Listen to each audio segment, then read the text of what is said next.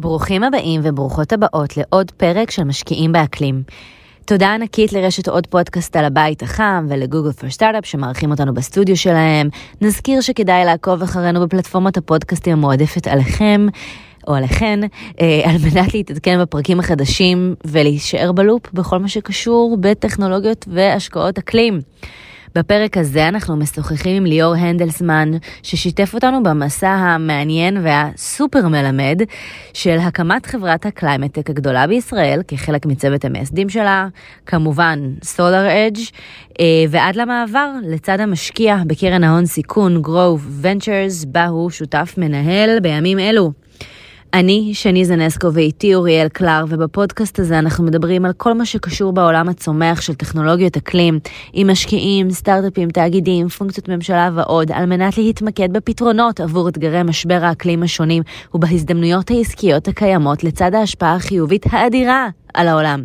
כי כמו שאנחנו יודעים טוב מאוד בתעשייה שלנו, ואולי גם קצת בחיים עצמם, כל משבר הוא הזדמנות, ופה יש לנו חתיכת משבר.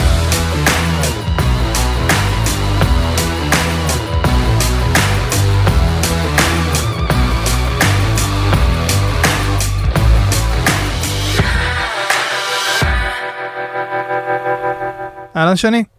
שלום, שלום. היי ליאור. כן, אהלן. כיף שאתה איתנו. כיף להיות פה. אמ, אז נמצא איתנו כאן היום אה, ליאור הנדלסמן, שהוא כיום אה, מנהל שותף בקרן גרוב, וכמובן אה, ממייסדי חברת סולארג', סמנכ"ל השיווק שלה לשעבר. אז נראה לי שכולנו מבינים שיש לנו פה שני חלקים לשיחה הזאת, או הכל קשור בהכל. הכל קשור בהכל. אה, אקוסיסטם זה... אקוסיסטם זה אקוסיסטם. זה אקוסיסטם, בדיוק. אי אפשר להפריד, אבל אה, נראה לי שזה שני דברים שגם אנחנו הכי סקרנים לגביהם. כן, ואני חושב שאולי שווה להתחיל בהתחלה, בהתחלה, קודם כל שלך כזה, סיפור שלך, איך התגלגלת לסולר אדג', okay. אבל גם אני מאוד מעניין אותי לשמוע על הימים הראשונים, על החודשים הראשונים, כאילו מדובר פה, זה אחד הסיפורים הכי כן. מרגשים בהייטק הישראלי, ובטוח בקליימטק, אז נשמח ככה לשמוע ממך. טוב, אז uh, כמו הרבה ישראלים, את הקריירה שלי התחלתי בצבא. Uh, הייתי, את רוב השירות שלי עשיתי ב-81. במגוון uh, תפקידים טכנולוגיים מאוד מעניינים, היה שירות uh, מרתק, הייתי שם uh, 12 שנים. ובאיזושהי נקודה אני ועוד חבר טוב שלי בשם יואב, יואב גלין, היינו מועמדים לקידום, ופתאום הבנו שלא בטוח שבא לנו להישאר. וזה התגלגל מאוד מהר, אה, עוד חבר מאיר, עוד חבר אמיר, גיא שהיה המפקד שלנו וכבר היה אה, הון סיכון אה, בעצמו בשלב הזה. תמיד אמרנו שנעשה משהו ביחד, התקשרנו אליו והיה גרעין. לא, לא פתחנו בסולאר, לא פתחנו בקליימט, השתחררנו והלכנו לחפש רעיונות. גרעין כללי. גרעין כללי, אה, ידענו שאנחנו אוהבים לעבוד טוב ביחד ו- ומצליח, ומצליח לנו ביחד. אה, והיה כמעט שנה של האידיאציה בהמון המון המון תחומים. וואו. אה, והתמקדנו באיזשהו שלב בעולמות של המרת הספק. היה לנו רעיון ממש ממש טוב איך לנהל מקורות אנרגיה בלפטופים ובמכשור נייד, בכלל איך לאפטם את uh, הפקת האנרגיה ב, בתוך uh, מכשירים שמונעים מסוללות. Mm-hmm. ומשקיע חכם, שאף משקיע לא רצה לשים בזה כסף, אבל אחד המשקיעים החכמים גם נתן לנו פידבק, הוא אמר, הטכנולוגיה שלכם נראית לי ממש טובה, אבל השוק הוא שוק גרוע, מרג'ינים נמוכים, מתחרים חזקים, לא ייתנו לכם uh, לבנות value גבוה. קחו ותמצאו ש, uh, תחום אחר. Uh, גיא היה אז uh, בחו"ל בדיוק, אני פגשתי את המשקיע הזה בטקסס, חזרתי ארצה, עשינו על הלוח רשימה של כמעט 20 תחומים שאפשר להסב את הטכנולוגיה הזאת אליהם. לא ידענו שאנרגיה סולארית זה שוק, אני לא ידעתי שאנרגיה סולארית זה שוק גדול, אבל פעם עבדתי על לוויינים, אז לא יודע, 15-16 בתחתית הרשימה היה אופטימיזציה של מקורות אנרגיה סולארית. Mm. והתחלנו לעבוד על רעיון אחד ורעיון... איפה זה קורה הדבר הזה? אני כאילו מנסה לדמיין, איפה אתם נמצאים? אנחנו יושבים, כאילו אנחנו יושבים בחדר אה, קטן ועלוב בהרצליה פיתוח. שכרנו חדר. מעולה. היה לוח, ועל הלוח היה רשימת תחומים. מקום 16-17 אנרגיה. משהו כזה, אני לא זוכר בדיוק כן. את המקום, אבל מאוד נמוך. התחלנו לעבוד על אה, מקומות 1 ו-2 ו-3, חילקנו בינינו ללמוד את השוק. אל תשאלתי מה הם היו, אני לא זוכר. יומיים אחר כך גיא חוזר ארצה, נכנס למשרד, מסתכל על הלוח, אומר, רגע, אנרגיה סולארית? אם יש לנו משהו באנרגיה סולארית, זה יהיה תחום מצוין. Hmm. הלכנו להסתכל על זה, פתאום ראינו עולם שהולך להיות שוק גדול ומנוהל בצורה מאוד עתיקה, שיש המון המון disruption שאפשר להביא לשם. זנחנו את uh, מקומות 1, 2 ו-3, וזהו, ככה נהיה סולארג'. מטורף. כן. אמ, אז באמת, למי שלא יודע, יש מישהו שלא יודע מה סולארג' עושים? בוא, לא, אני, בוא נניח בוא נ- שתספר לנו טיפה על, ה, על הפיתוח הראשון שנייה, וגם אחרי זה תספר על המשך החברה. סולארג' פנתה לעולם של מערכות סולריות uh, מחוברות רשת, כלומר כל המערכות הס- הסולריות שבעצם מפיקות חשמל לתוך רשת החשמל, כולם רואים את הפאנלים על הגג. מהמם. איפשהו בבקסטייג' של המערכת יש אה, ממיר, שממיר את האנרגיה מ-DC, שזה מתח ישר, שזה מה שהפאנלים אה, מוציאים למתח חילופין. והוא גם יש לו תפקיד מאוד מאוד חשוב, הוא עושה מקסום הפקה, הוא מביא את הפאנלים, לא כך מעניין איך ומה, לנקודת עבודה נכונה כדי להוציא מהם מקסימום אנרגיה. מהמם. אם לא עושים את זה, מקבלים הרבה הרבה הרבה פחות אה, אנרגיה מהמערכת. ובאותה תקופה, מדברים פה על אה, 2006, אה, שחקנים שייצרו ממירים שחקנים קלאסיים, ג'נרל אלקטריק, סימנס, אה, שניידר, ABB, כאלה שחקנים אה, אה, אה, אינדסטריאל, הם כולם התחרו ביניהם בכמה נציל הממיר, כלומר כמה, אה, כמה אחוזים מה, מהאנרגיה הוא מאבד, מהמם. שהוא מעביר את זה מ-DC ל-AC, במ- בממיר עצמו. בהמרה עצמה. אה, חשיבה מאוד אולד סקול. ואנחנו הסתכלנו אה, על העולם הזה וראינו שאם רק נשנה את איך שהמערכת בנויה, ונכניס אה, אינטליגנציה לפאנלים עצמם, ונוסיף חיבור לאינטרנט, ושרת ענן, ועוד המון דברים שאפשר לעשות, אפשר להוציא לפעמים עשרות אחוזים יותר של אנרגיה מהמערכת. אפשר אה, להעביר את זה לעולם של ניהול מרחוק, וניטור מרחוק, ומערכות בטוחות יותר, ומערכות אה, מתוחכמות יותר. וזה מה שעשינו, פיתחנו, פיתחנו את המערכת הזאת. היה מאוד קשה לגייס על זה כסף, כי... זהו, מה מה היה בהתחלה? כי עדיין, עדיין אה, הסתכלו עליכם אולי כ... לא, אז, אז היה קשה לגייס על זה כסף, כי אנחנו באנו ואמרנו, אנחנו נעשה את כל המערכת, אנחנו בעצם נתחרה ב-GE, מהמם. נתחרה בסימנס. והפידבק שקיבלנו מרוב מוחלט של המשקיעים, זה לא, לא, לא, לא, יש לכם רעיון יפה, יש לכם רעיון לשבב, מעולה, תפתחו את השבב ותמכרו את זה ל-GE, ותמכרו את זה לסימנס.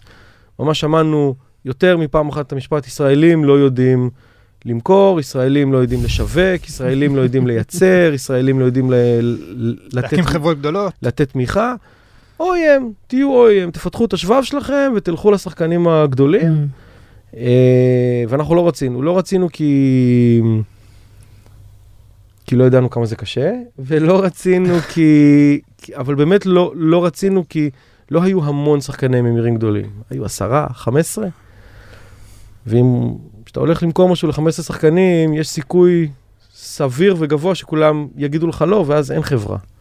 או רק אחד יגיד לך כן, ואז אין לך חברה גדולה. זה היה, לנו זה היה נראה סיכון גדול מדי, אנחנו רצינו לפתח את כל המערכת ולהתחרות בהם. בסוף מצאנו את, את המשקיעים שהאמינו בזה. בשיא גל הקלינטק. אז זה לא היה שיא, אבל בהחלט uh, ב-2006-2007 היה גל של מה שאז קראו לו קלינטק, כלומר הרבה מאוד אה, סטארט-אפים, בעיקר בארצות הברית אבל גם בארץ, מאוד רצו להשקיע בחברות קלינטק. הייתה תחושה שזה זה, זה היה הייפ, ל-VCs יש הייפים, זה בפירוש כן. היה אז hype. אה, וזה, וזה בוודאות עזר, כי כשהגענו למשקיעים, לא היינו צריכים להסביר להם שסולארי הולך להיות שוק אה, גדול, זה היה בלב ההייפ. המון המון כסף, אה, מיליארדים של אה, דולרים הושקעו אז בעיקר בטכנולוגיות חדשות של אה, פאנלים, שזה פיתוח מאוד ארוך ומאוד יקר והרבה מאוד אה, אה, אה, מחקר ולא רק פיתוח. ואנחנו היינו באותו תחום, באותו עולם שהיה לו הייפ, וקצת פחות נתפסנו כ-research ויותר כ-development. ולכן הצלחנו למצוא משקיעים, משקיעים מצוינים, שנתנו לנו כסף ראשון. הבעיה שאתה מגייס בהייפ, זה שאז יש טראומה. בדיוק, ש- שהייפים בדרך כלל נג... נגמרים, שחזרנו לגיוס שני, אז אני לא מדבר על זה שהסבב השני שלנו היה בשיא המשבר של 2008, אה. כן. אה, וה- והיה קשה בלי קשר, גם אה, ממש משקיעים בת, כבר נרתעו מקלינטק. כי מי שהשקיע בקלינטק בחמש, שש, כבר בש, בשלב הזה ראה הרבה מאוד חברות שנכשלו. כן. ולא ראו את ה-returns ש... כן. ש... ש... שחשבו, ואז היו משקיעים שאמרו, אל תבואו כי משבר ואנחנו לא משקיעים, והיו משקיעים שאמרו, אל תבואו כי אתם מהתחום המצורע, התחום המקולל. אה, אז אין ספק שהגיוס השני היה מאוד מאוד מאתגר. הגענו לימים אחרונים של כסף של החברה שכבר, ש... שמצאנו משקיעים. אה, חלק לא קטן מהשערות הלבנות שיש לי, זה מה, מהתקופה הזאת. אה, עם ספקים שמתקשרים כבר לאיים שהם באים אה, לשבור ברכיים כי לא משלמים וואו. להם, והבנק שכבר אה, הקפיא את החשבון ועוד כל מיני כאלה דברים. אה, אבל הצלחנו למצוא משקיעים חדשים מצוינים, וה, והחברה יצאה מזה מחוזקת. יצאה מחוזקת, ולמעשה אה, ב-2015 החברה הפכה להיות חברה ציבורית, נכון, אה, הישראלית הגדולה ביותר בנסדק. הרבה שנים אחר כך. הרבה כן. שנים אחר כך, ב-2021 גם נכנסה ל-S&P 500, נכון. שבוא נעצור רגע, זה מרגש, בתור ישראלית ובתור חובבת חברות אקלים. אמ, ואולי נדבר על זה עוד מעט. אני חושבת. שמשהו שמעניין שקורה זה שעם כל המצב שקורה עכשיו בשוק, דווקא חברות כמו SolarEdge לא נפגעו אה, כמו חברות אה, ציבוריות אחרות, אה, ירדו פחות, נשארו נכון. יחסית יציבות. אמ, תראי, סולארית שונה גם כי היא, בניגוד להרבה מאוד חברות uh, טכנולוגיה, היא גם רווחית. כלומר, היינו רווחיים. מהיום, הר- מה, מהיום הראשון. אז זה גם, גם התחום חזק, ועכשיו גם הביל הזה שעבר uh, ב, בארצות הברית, כן. והמלחמה ב, באוקראינה, אוקראינה. כולם דוחפים דימנד מאוד, uh, מאוד גבוה. ועל זה בסוף זו חברה עם fundamentals ממש טובים, היא מוכרת כבר ב-2 מיליארד דולר, והיא רווחית מאוד. ו... אז בעצם חברה מוכרת ב-2 מיליארד דולר, כמה עובדים יש בחברה היום, אה, כמה מע- מערכות הותקנו פלוס מינוס, אה, אז אני אגיד מספרים בערך. כן. אה, שנבין שנייה מהחמישה חבר'ה בחדר מעופש בהרצליה. היום יש מעל 4,000 עובדים, הם מוכרים מעל 2 מיליארד דולר, מרוויחים, אני לא זוכר את המספר, אבל הרבה מעל 100 מיליון דולר בשנה של רווח, לפי דעתי אולי אפילו 200, אבל אני לא זוכר את המספרים, אז אל תתפסו אותי. מהמם. אה, יש מיליונים, שתיים, כמעט שלוש מיליון אה, מערכות מחוברות עם טכנולוגיה של סולארג' בעולם, אה, מותקנות ברבעון מאות אלפים חדשות, כלומר גם, ה, גם הקצב הוא מאוד גבוה, אז החברה בעצם ב, בהכנסות זה חברת הממירים והאלקטרוניקה הסולארית הכי גדולה בעולם. הם מוכרים כבר גם ממירים וגם מערכות הגירה וגם הרבה מעבר כן. ל, למה שהתחלנו. כי העולם הזה, בואו רגע נדבר על uh, טכנולוגיה, מה שפעם היה ממיר שהיה מאפטם את הביצועים החשמליים וממיר לרשת, ואם הייתה לו תקשורת לאינטרנט זה כדי שתוכל לעשות קצת ניטור ובקרה מרחוק. מהמם. העולם הזה עבר כזה אה, קפיצת דרך אה, טכנולוגית, והיום הממיר הוא ממש מנהל הפקה, והוא מחליט אם האנרגיה הולכת לרשת או לסוללה, הוא יודע לשלוט בדיווייסים של פאוור בבית, כלומר, בסוף מהמם. הוא מדבר עם uh, מנהל הרשת, אפשר, יש היום עולם מסעיר של מה שנקרא uh, תחנות כוח וירטואליות, שבעצם אלפי ממירים מתנהגים כמו תחנת כוח וירטואלית, Hmm. ותומכים ברשת ומספקים אנרגיה לרשת, זה עולם כל כך הרבה יותר מתוחכם ו- ומסובך היום, אה, שאני חייב להגיד שהיה לזה את ה vision כבר ב-2006, אבל לראות את זה קורה זה פשוט לא, זה- זה- מדהים. זה די- די מטורף כן, כאילו כן. לחשוב על זה זה. תחשב- דרמטי מאוד תחשבי בעיניי. שנייה, אנחנו מדברים על חברה שקמה לפני אה, 14 שנה? כן, 16 שנה? 16 סליחה, שנה. סליחה חשבון, טעות חשבון. והפכה להיות כאילו מעצמה, לפי, לפי המספרים פה של יום מספר, בישראל. אה, עם, עם כל הביקורת שקיבלתם, שאתם לא יכולים להיות, אה, לייצר ולמכור ולהיות, ולתת שירות וכולי, זה קרה. איך הקסם הזה קורה? כי זה, כי זה נשמע לא סיפור ישראלי בעצם, זה נשמע סיפור של מד, ממדינה אחרת. אז תראה, אתה יודע, כשאתה רוכב על הנמר, אתה לא תמיד יודע איך, אה, זהו, אבל עדיין איך זה קרה. יש נמר. אה, אבל, אבל אה, אני באמת, קודם כל, לאט לאט, צעד צעד. כלומר, אתה, אתה, אחד הדברים המדהימים אה, בלהיות חבר הנהלה בחברה כזאת, היה שכל שנה, שנה וחצי היינו יושבים בחדר ואומרים, אוקיי, שינוי פאזה. אתה מתחיל שאתה נורא קטן, אז הרבה סטארט-אפים אה, חווים את זה, משלב הרעיון לשלב ה-design partners, כדי בכלל שלקוחות ילמדו אותך מה הם בכלל רוצים, לשלב, אוקיי, עכשיו אה, מכירות ראשונות וקצת הגדלה של מכירות, אבל אז העסק הזה התחיל לתפוס, ועברנו המון שלבים. כלומר, יש את השלב שבו אתה יושב בחדר ואתה מבין, אם אני לא אה, בונה מערך מכירות בינלאומי, Mm. גדול ורציני, אני פשוט לא אוכל להמשיך לגדול. אי אפשר לנסוע ל... כן. ללקוחות כל הזמן. וזה היה שינוי עצום, זה שינוי נורא קשה, אנשים לא מבינים אותו. אני מביא מנהל מדינה ב... לא יודע, גרמניה, ארה"ב, ואני לא מנהל אותו, אני סומך עליו. ש... קשה להסביר כמה זה כן, קשה. יש הבדל. ואתה גם טועה, ואחרי שאתה מביא פעם אחת מנהל מדינה והוא לא טוב, אתה מביא אולי עוד פעם מנהל מדינה והוא לא טוב, הפיתוי הכי גדול זה להגיד, טוב, אני אלך לעשות את זה. כן. אני חייב להגיד שלא התפתינו, היה מספיק משמעת בתוך הצוות, וגם עוד חברי הנהלה, כמו ציבי, שהיום מנהל את, ה- את החברה ש- שהבאנו, אה, להגיד, לא, אם, אם אנחנו נעשה את זה, זה לא סקלבילי. כל הזמן הייתה, Mm. כל הזמן הייתה חשיבה, האם מה שאנחנו עושים זה סקלבילי. אין בעיה לעשות את ה-10 מיליון דולר מכירות ראשונות מהארץ. אבל עכשיו, או שנצליח להביא מנהל מכירות זר, או, ש, או שניכשל. וזה נכון, אותו דבר גם ב, בייצור. אפשר לבנות מערך ייצור שנסמך על המון המון המון אנשי הנדסה ישראלים, אבל זה לא סקלבילי. נכון. אז עכשיו צריך לבנות אחד כזה בחו"ל, ולראות איך אתה מביא אנשים וסומך עליהם, והם טועים, והם לא, והם לא בתרבות, והם לא גמישים כמו שאתה היית גמיש. זה, זה, ה- ה- התפיסה הזאת שכל פעם, אוקיי, עברנו פאזה, עכשיו אנחנו בונים את הפאזה החדשה כפאזה סקלבילית, זה היה ב-DNA של, של החברה, זה עבד לא רע. אמ, אז אולי נעשה איזשהו מעבר, גם אה, מהחוויה שלך של הגיוסים והממשק עם המשקיעים בתחילת הדרך, באמצע, בסוף, ועד להיום שאתה בעצם עברת לצד השני, in a way, כן. to the dark side. Um, ובעצם מה החוויה שלך אולי של השוק, של אה, תחום ההשקעות בטכנולוגיות אקלים, וגם, אני שמה פה בכוכבית גם את עניין ההארדוור, אה, כן. שהוא חשוב, צריך להזכיר אותו. אה, מדובר בחברות עם אה, אופי מסוים. אז אני אגיד אה, כמה דברים. בסוף, החוויה שלי כמישהו שהיה מעורב בגיוסים, אה, עד ההנפקה סולרית גייסה בערך 110 מיליון דולר. אה,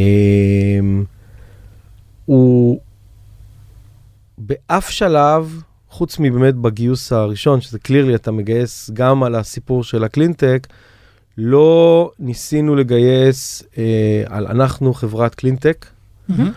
או אנחנו רוצים impact money, גייסנו אך ורק על מטריקות עסקיות. כי בסוף גם, נכון שיש משקיעי impact שבאמת מעניין אותם רק האימפקט, אבל אנחנו הלכנו למשקיעים תמיד, תמיד, תמיד על הסיפור העסקי. יש לנו לקוחות, יש לנו מכירות, יש לנו, או, יש לנו או אין לנו מרג'ין, הגדלנו מכירות, כן. גודל השוק, כמה השוק אה, גדל, כי בסוף חברה שרוצה להיות, אה, זה ש, שאתה עושה טוב ל, לעולם, או שאתה בנישה מסוימת, זה לא באמת מעניין משקיעים כלליים. משקיע כללי רוצה לראות מטריקות טובות של חברה טובה. זה שהיה לנו גידול במכירות משנה לשנה, בהתחלה פי 4 ואחר כך פי 2 או פי 3, זה מה שאפשר לנו לגייס כסף, וזה שפעלנו בשוק שגדל עשרות אחוזים בשנה, זה מה שאפשר לנו לגייס כסף, ולא סיפור האקלים. מהמם. עכשיו, למה אני מדגיש את זה? כי אני פוגש המון חברות אקלים היום, כן. אמ, והרבה מאוד חברות שאני פוגש היום מספרות לי את סיפור האקלים ואיזה אימפקט עצום הם יעשו, אבל מתקשות מאוד, וזה בעיה בטכנולוגיית אקלים, ממש שווה לדבר על זה, מתקשות מאוד להראות את הדרך לשם. מה זאת אומרת? קח רגע דוגמה, יש הרבה מאוד חברות שהמוצר שהן מפתחות הוא מוצר בסדר גודל גדול.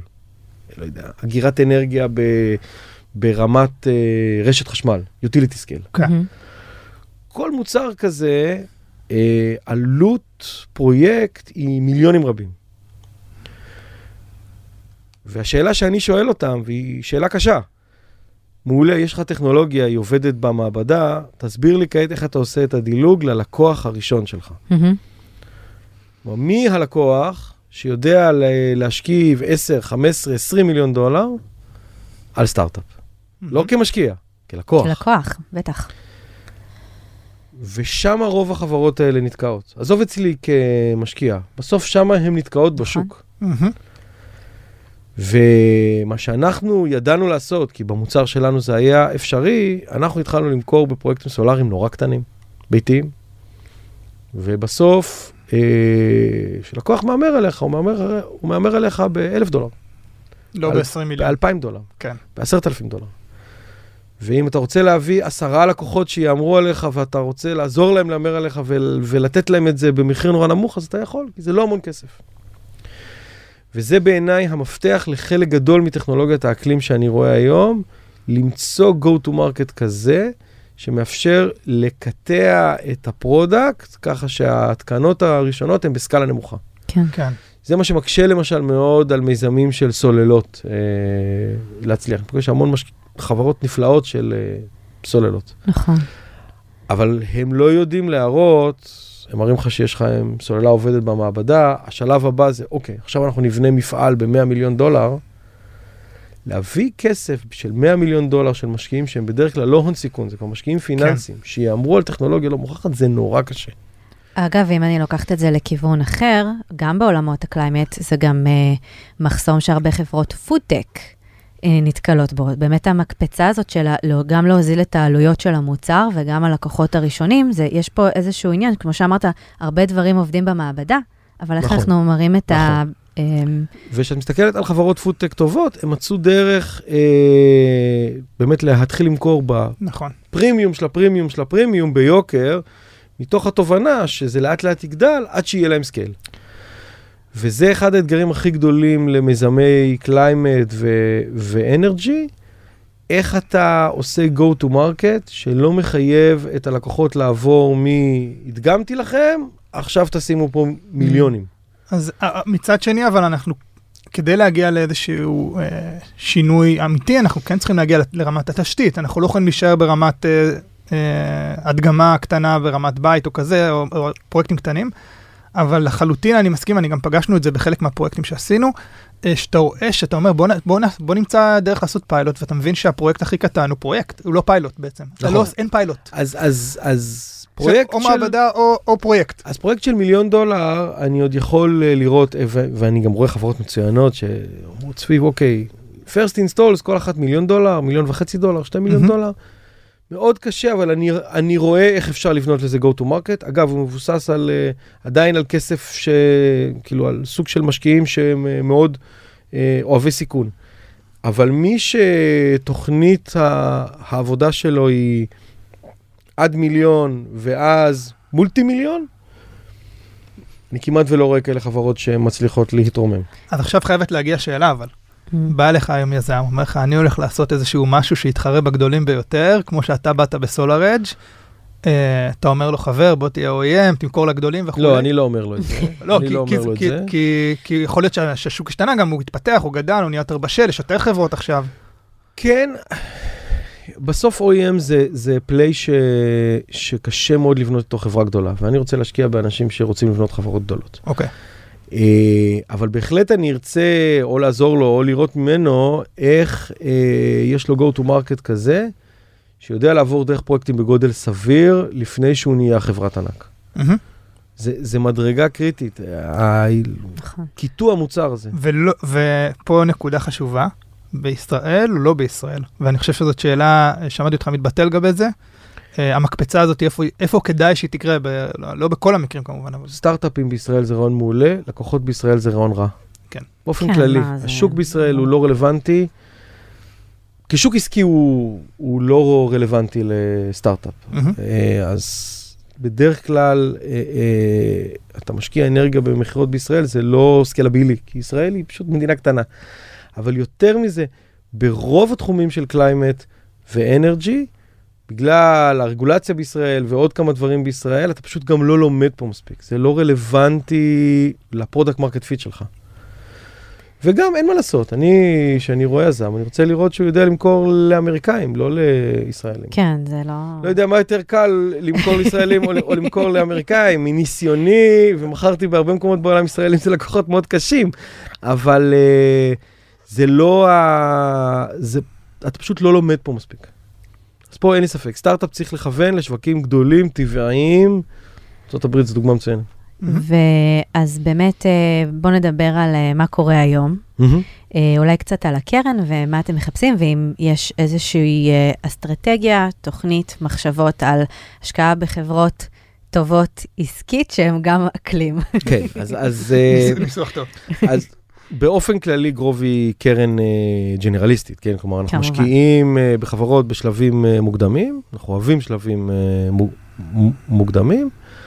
אה, שיש בהם מרכיב טכנולוגי משמעותי ויש להם פוטנציאל להיות חברות גדולות. אה, זה אומר שאנחנו משקיעים גם ב-DevOps וגם בשבבים וגם ב... ב, ב לא יודע, כלים למפתחים אה, וגם במערכות תוכנה ובפירוש גם בחברות של קליימט ואנרגיה. אמ, למעשה עשינו כבר השקעה אחת מאוד מאוד מעניינת בחברת אה, אנרגיה, רק זה עוד מוקדם מדי מכדי לספר בדיוק איזו, איזו חברה, אבל בטח בגלל שלי יש הבנה ו affinity לתחום, בוודאי בגלל שאני פשוט חושב ש... אמרתי את זה גם בהזדמנות אחרת, שחלק מה unicorns הגדולים של העשר שנים הקרובות יהיו בעולמות ה climate והאנרגיה, ההזדמנויות שם הן אדירות.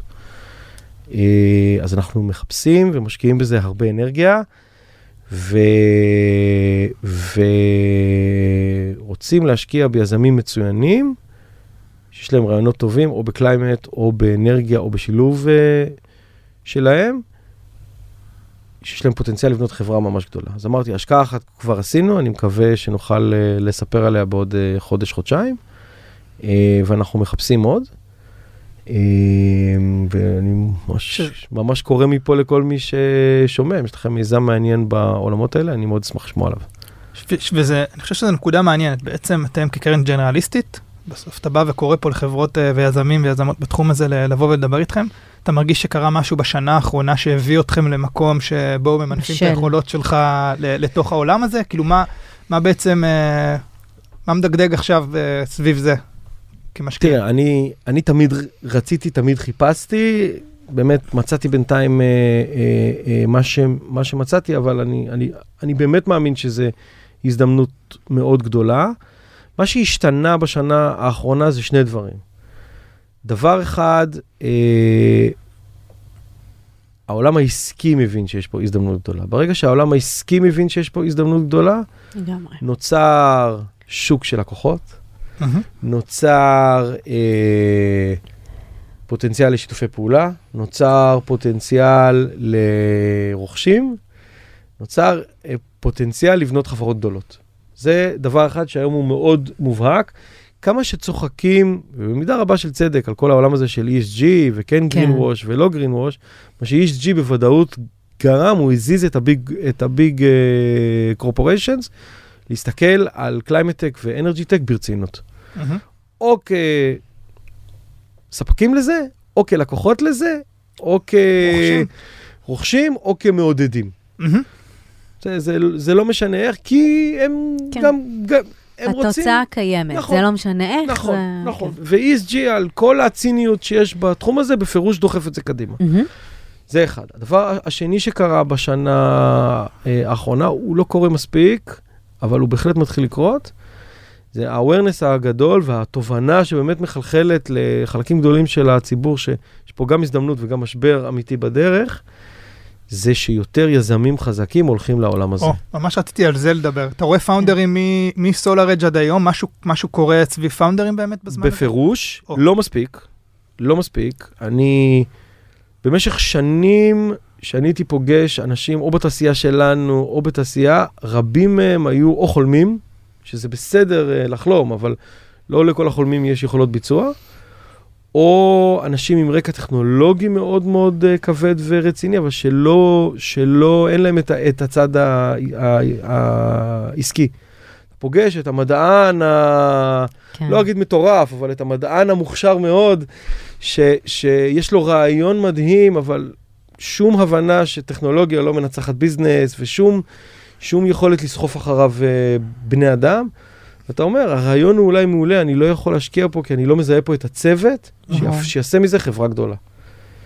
ולאט לאט אנחנו מתחילים לראות יותר ויותר אנשים שפעם היו אה, רצים להקים חברות בעולם, לא יודע מה, ניקח את התחום, סייבר, כן? אה, קל אה, ל- להיטפל ל- חד ל- משמעית. אנחנו כל הזמן מתפלאים לסייבר. ל- לתחום הזה, ואומרים, רגע, אני מבין שיש פה הז- הזדמנות גדולה, אני מבין שיש פה משבר גדול, אני הולך ואני מסתכל על, על, על עולמות ה climate tech וה, וה energy tech, וזה כבר מעניין, כי פתאום יש יזמים שאתה אומר, "אי- כן. איתם אני רוצה לרוץ. אז אין מספיק, אני ממש משקיע אנרגיה בלמצוא עוד כאלה ובלהסביר לאנשים למה כדאי להם ללכת לתחום הזה. אחד האירועים הכי מרשימים שהייתי בהם, ממש היה לא מזמן, ההאקתון של אה, 8200. 8200. הוא היה משוגע. אירוע סופר מרשים בעיניי, שבו אה, כמובן בדחיפת אה, מפקד היחידה, ואנחנו בגרוב אה, עזרנו לממן, והייתי בצוות השופטים יחד עם עוד אה, שותפה אצלנו, רננה. אה, מדהים לראות כמה אימפקט אנשים עם תחושת מסוגלות גבוהה, בדיוק. תחושת יכולת גבוהה, יכולים להביא לתחומים שהגופים שעוסקים בהם עד היום הם, הם פשוט חלשים יותר. לגמרי. ואני אני מקווה שהאקתון כזה ודברים נוספים ש... ש... שווה להגיד, חיילים, חיילים מ-8200, זה לא עכשיו חבר'ה. אגב, זה- אבל כן. גם בואו נציין את זה שזה באמת דור צעיר יותר, שזה גם מוכח בכל העולם, שזה, אה, אלה נושאים שהם קריטיים עבורו. לא, עכשיו, אז- נכון, והחבר'ה האלה, סליחה, החבר'ה האלה עד היום, ה mindset שלהם כן. היה, אם אני משתחרר ואני מקים חברה, אז אני עושה אותה בעולמות, הרי הם ברובם אנשי אה, תוכנה. תוכנה. ברור. בוא, בוא, ב- בעולמות של cloud ו security, ושזה גם דברים שהם אה, עסקו בהם אה, בשירות. ופתאום, יש להם כיוון חשיבה שאומר, רגע, אני יכול לקחת את היכולות שלי, ואת התחושה הזאת שבאמת אני, אני יכול לעשות הכל, כי הצלחתי לעשות דברים נורא גדולים ב, ב, אה, עד היום, וכולם הסבירו לי שאני נורא טוב, לתחום אחר. כן. לא חייבים לרוץ לזה. וזה הדבר השני, שבעיניי בשנה האחרונה הפך את, ה, את, ה, את ה ecosystem הזה של סטארט-אפים של climate tech ו energy tech להרבה יותר מעניין. זה לא שלא, שלא היו יזמים טובים קודם, היו, אבל לא היו מספיק, עדיין אין מספיק, אבל נכנס לזה דם חדש, אל כל ה... גם ה diversity החשיבתי, וגם ה diversity של הגיל, וגם ה diversity של סוג האוכלוסייה וה... והאיכות שלה, זה נורא חשוב. וגם ההבנה שיש כסף בעולם לתחומים האלה, וגם כמובן סיפורי הצלחה. נכון. בסוף כן. אנשים חולמים והם רואים סיפורי הצלחה סיפורי הצלחה זה נורא חשוב, לא בשביל היזמים, בשביל בשביל המש- המשקיעים. בשביל המשקיעים. אז אתה מכיר סיפור הצלחה קטן, קוראים לו סולר אדג', כן. יש עוד כמה, יש עוד כמה בהתהוות ו- וחברות מדהימות בתחומים כן. של אנרגיה ו climate, נכון. אה, ו- ואני, באיזשהו מקום אפילו הסיפור שלכם כסולר אדג' הוא חריג, כלומר בוגרי 81 שמקימים חברה באנרגיה, ב-2006. 2006 זה 2006. החריג, הסיפור הרגיל הוא לא הסיפור הזה, והיום עכשיו אנחנו, אנחנו מכירים בוגרי 81 ובוגרי 8200 ובוגרי תלפיות ובוגרי טיס וכל החבר'ה האלה. שמקימים חברות, וואו. כן, והם עכשיו, והם- וזה קורה, זה מבעבע וזה נכון, כיף לראות את נכון, זה ולהרגיש נכון, את נכון, זה. נכון. כי הם מגיעים עם, עם באמת איזשהו drive אה, מאוד, אה, הם, ש, הם שומעים את הרעש, ועצם זה שעכשיו גם אה, קרנות כמוך אומרים, אנחנו מסתכלים על זה, אנחנו מחפשים אפילו להשקיע, אז זה מאותת להם ש, שכדאי להם לעשות את זה. ואני מאוד מקווה שיהיו הצלחות, או, או, או לפחות וקטורים של הצלחה בשנתיים הקרובות, כי אחרת משקיעים יברחו. עוד פעם. הם יגידו, הנה, יש לנו פה ג'ן הקלינטק הבא." 2 של אה, קלינטק. אז רגע, אז, אולי ניגע בזה, כי אני- אני חושב שכל כך אה, כן. חשש, כשהתחלנו לפני שנה לדבר על climate tech, אז כולם, אה, את השיח... אה, אמרנו לאף אחד שלא תעזו להגיד קלינטק. נכון, נכון, ואנחנו עדיין אומרים את זה, אבל אנחנו מותר פה בשיח הזה. מה עושים, או מה צריך לקרות, נעשה זה ככה, כדי שעוד שנתיים לא נגיד, וואי, היה פה עוד איזשהו hype uh, חסר, חסר כיוון. אז וקטורים להצלחה זה אחד, אבל יש עוד דברים שאנחנו היינו רוצים לכוון אליהם? תראה, אני לא יכול uh, לנבא מה יקרה וכמה קרנות יפסידו כסף בקלינטק, אבל זה בסדר, קרנות גם מפסידות כסף גם בסייבר וגם בהלטק וגם בדב-אופס. אבל uh, uh, אני חושב שהעולם היום הוא אחר. קרנות מבינות יותר מה לא מצליח. זה כלומר, מה שהמון מהכסף ב, ב, שנשרף בקלינטק ב-2006-2008, נשרף על uh, מין moonshot-ים כאלה, מיזמי uh, פיזיקה מת, מתקדמת, שאם רק נביא אותם ל mass production בחצי מיליארד דולר של... של, של השקעות בתשתיות ייצור, אז, אה, אז אה, ניקח את כל השוק. Mm-hmm. ואני חושב שקרנות הן היום הרבה יותר בשלות ומבינות שבמה שצריך לה, להשקיע זה בדברים שיש להם וייביליות עסקית הרבה קודם. אני חושב שהמשקיעים טיפה יותר אה, למודים, אבל באמת כמה שנצליח להביא יזמים יותר טובים עם רעיונות יותר grounded, ככה יהיו יותר וקטורים של הצלחה, וככה זה לא יהפוך להיות אה, בור הקלינטק, שבאמת קרנות הפסידו בו אז סכומי עתק. כן. אז אה, טוב, אה, time flies. כן. אנחנו. אחד הדברים שווה להגיד אולי ההבדל עם קלינטק וקליימטק, שבאמת בקליימטק המטריה יותר רחבה מבחינת תחומים, ואז באופן הזה גם משקיע שלא רוצה לשים את כל יהבו על ה hardware כבד וכולי, יכול למצוא את עצמו במרחבים מגוונים, נגיד ככה. זה נכון, אה, והדבר השני שאתה רואה, בכל הייפ, אין מה לעשות, זה המון חברות שהיו קיימות לפני ההייפ, שעכשיו ממתגות את עצמם כקליימטק, כי אם קודם, אה, לא יודע מה, עשיתי יעילות אנרגטית, עכשיו אני קליימטק, ואם קודם עשיתי mobility, אה, עכשיו אני קליימטק. אני חלק מהתופעה, מהשלב של כל הייפ.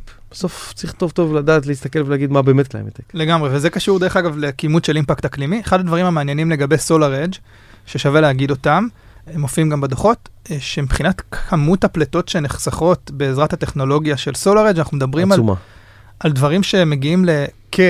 אוקיי, אל תתפסו אותי במילה, רבע מסך הפליטות של מדינת ישראל, חברה אחת. רק להבין את ה scale כן, פה של... לא... עצומה, אבל, אבל, אבל עוד פעם, SolarEdge פועלת בכזה scale, שכמעט כל דבר, אתה יודע, תקציב, אה, פעם היה כוסות נייר, הפסיקו כן. להשתמש אה, בכוסות נייר, אבל תקציב כוסות הנייר היה בדיוני לחברה עם אה, עשרות משרדים בכל העולם. חברה עברה בהחלטה לכוסות רב פעמיות, אפילו זה, זה מספרים גדולים, כי החברה מאוד גדולה, אבל, אבל, אבל, אבל אפשר, אם אתה מצליח להגיע לסקייל גבוה, אתה יכול לעשות אימפקט כן. ממש יפה. עוד דבר לגבי סולארג' אולי והמיצוב שלה אל מול היזמים, ואני חושב שזה דבר חשוב, כי אין כל כך דוגמאות כאלה, גם, גם באופן כללי בעולם, אבל בוא נגיד בארץ, אה, זה שאפשר לבנות חברה גדולה מאוד בתחום הזה, כן. בישראל. כן. דיברתי עם איזה מישהו שעובד בסולארג', אמרתי לו אה, שסולארג' אה, זה קצת כמו גל גדות. שהיא כזה הנציגה, כן, That's a first. כן, כן, ש, שהיא כאילו, בין אם היא רוצה או לא רוצה, היא מייצגת את ישראל ויש לה איזשהו מקום בחוויה הישראלית, וגם לסולארד יש את המקום הזה של להיות אה, צ, ציונית ב, ב, בעולם הזה של אנרגיה ואקלים, ולהיות איזשהו אה, זרקור ליזמים שמסתכלים איפה אני יכול אולי להיות, יש, יש לנו... אני, אני אגיד משהו באמת, אה, בהתחלה של ההתחלה, אני uh, טיפלתי במכירות בסולארג', מהר מאוד היה ברור לי ש, שאני לא אוהב למכור, ולשמחתי ולמזלנו הבאנו מנהל מכירות מקצועי ורציני. Uh, אבל גם, שהדיון את מי להביא, אז חלקים מהבורד אמרו, מנהל מכירות רציני זה רק מישהו אמריקאי. אז מצאנו מישהו שהוא הכי קרוב לאמריקאי שגר בארץ, אבל חלק מלהיות חברה ישראלית מוצלחת, זה גם לדעת uh, לבוא ולהגיד, uh, לא כולם חייבים להיות ישראלים. אז ברור. למ, יש uh, בודדים במערך המכירות שהם, יחסית, שהם ישראלים. ובייצור ובלוגיסטיקה ובתמיכה, זה בסדר גמור שחברה ישראלית תדע להסתמך על talent בינלאומי. גם, אגב, אני חושבת שגם מהשיחה איתך וגם מהשיחה עם... סטארט-אפים אה, אחרים מובילים בתחום, אני חושבת שצריך להיות minded לעובדה שחברות כאלה דורשות גם איזושהי צניעות, ובעיניי צניעות זה באמת גם ההבנה הזאת של איפה נקודות החולשה שלי כחברה, ואם נכון. אני צריך אמריקאי או ישראלי או whatever. וגם סבלנות.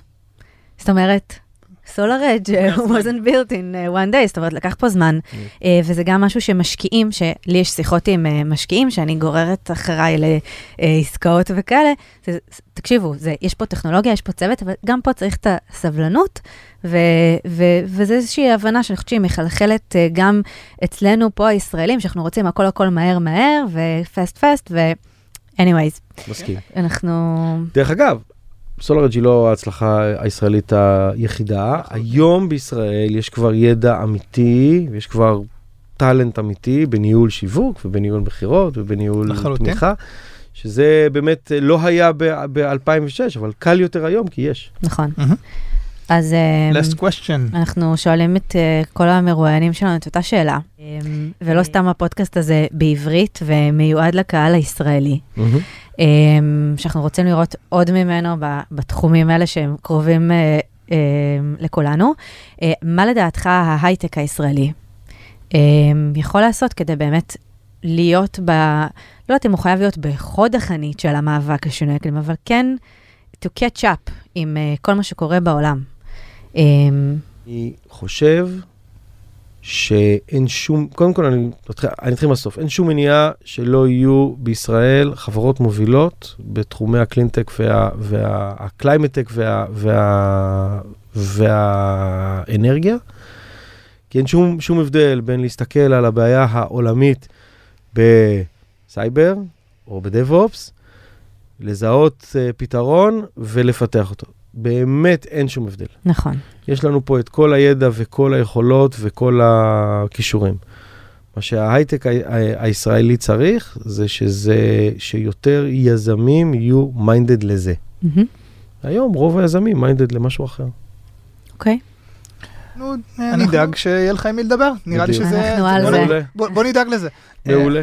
אז אה, תשמע ליאור, אה, תודה רבה, אני חושב שיש לך סיפור מדהים, אה, במעבר בין אה, יזם לבין משקיע, ובטח עכשיו בצומת הזאת שאתה מתחיל אה, יותר ל- לגעת בחברות בתחום האקלים. אני מקווה ש... Times. כן, ואני מקווה שזה יהפוך להיות תמה יותר אה, ויותר משמעותית אצלכם אה, בקרן, ושנראה בגל הנוכחי הזה של קליימטק, שנקווה שהוא גם לא יהיה שהוא גל, לא גל. שהוא יהיה בעצם גל ארוך מאוד. אה, הרבה חברות טובות שחלקן יימכרו, חלקן יתפתחו להיות ב scale של SolarEdge אה, ושנהפוך להיות איזשהו מוקד אה, משמעותי באמת, אה, עם, עם אותם יזמים שיקימו. אפשר לגמרי. טוב, אופטימיות, שני. תודה רבה. אני אוהבת, אתה יודע שאני אוהבת אופטימיה. חד משמעית, אז תודה רבה. להתראות. ביי ביי.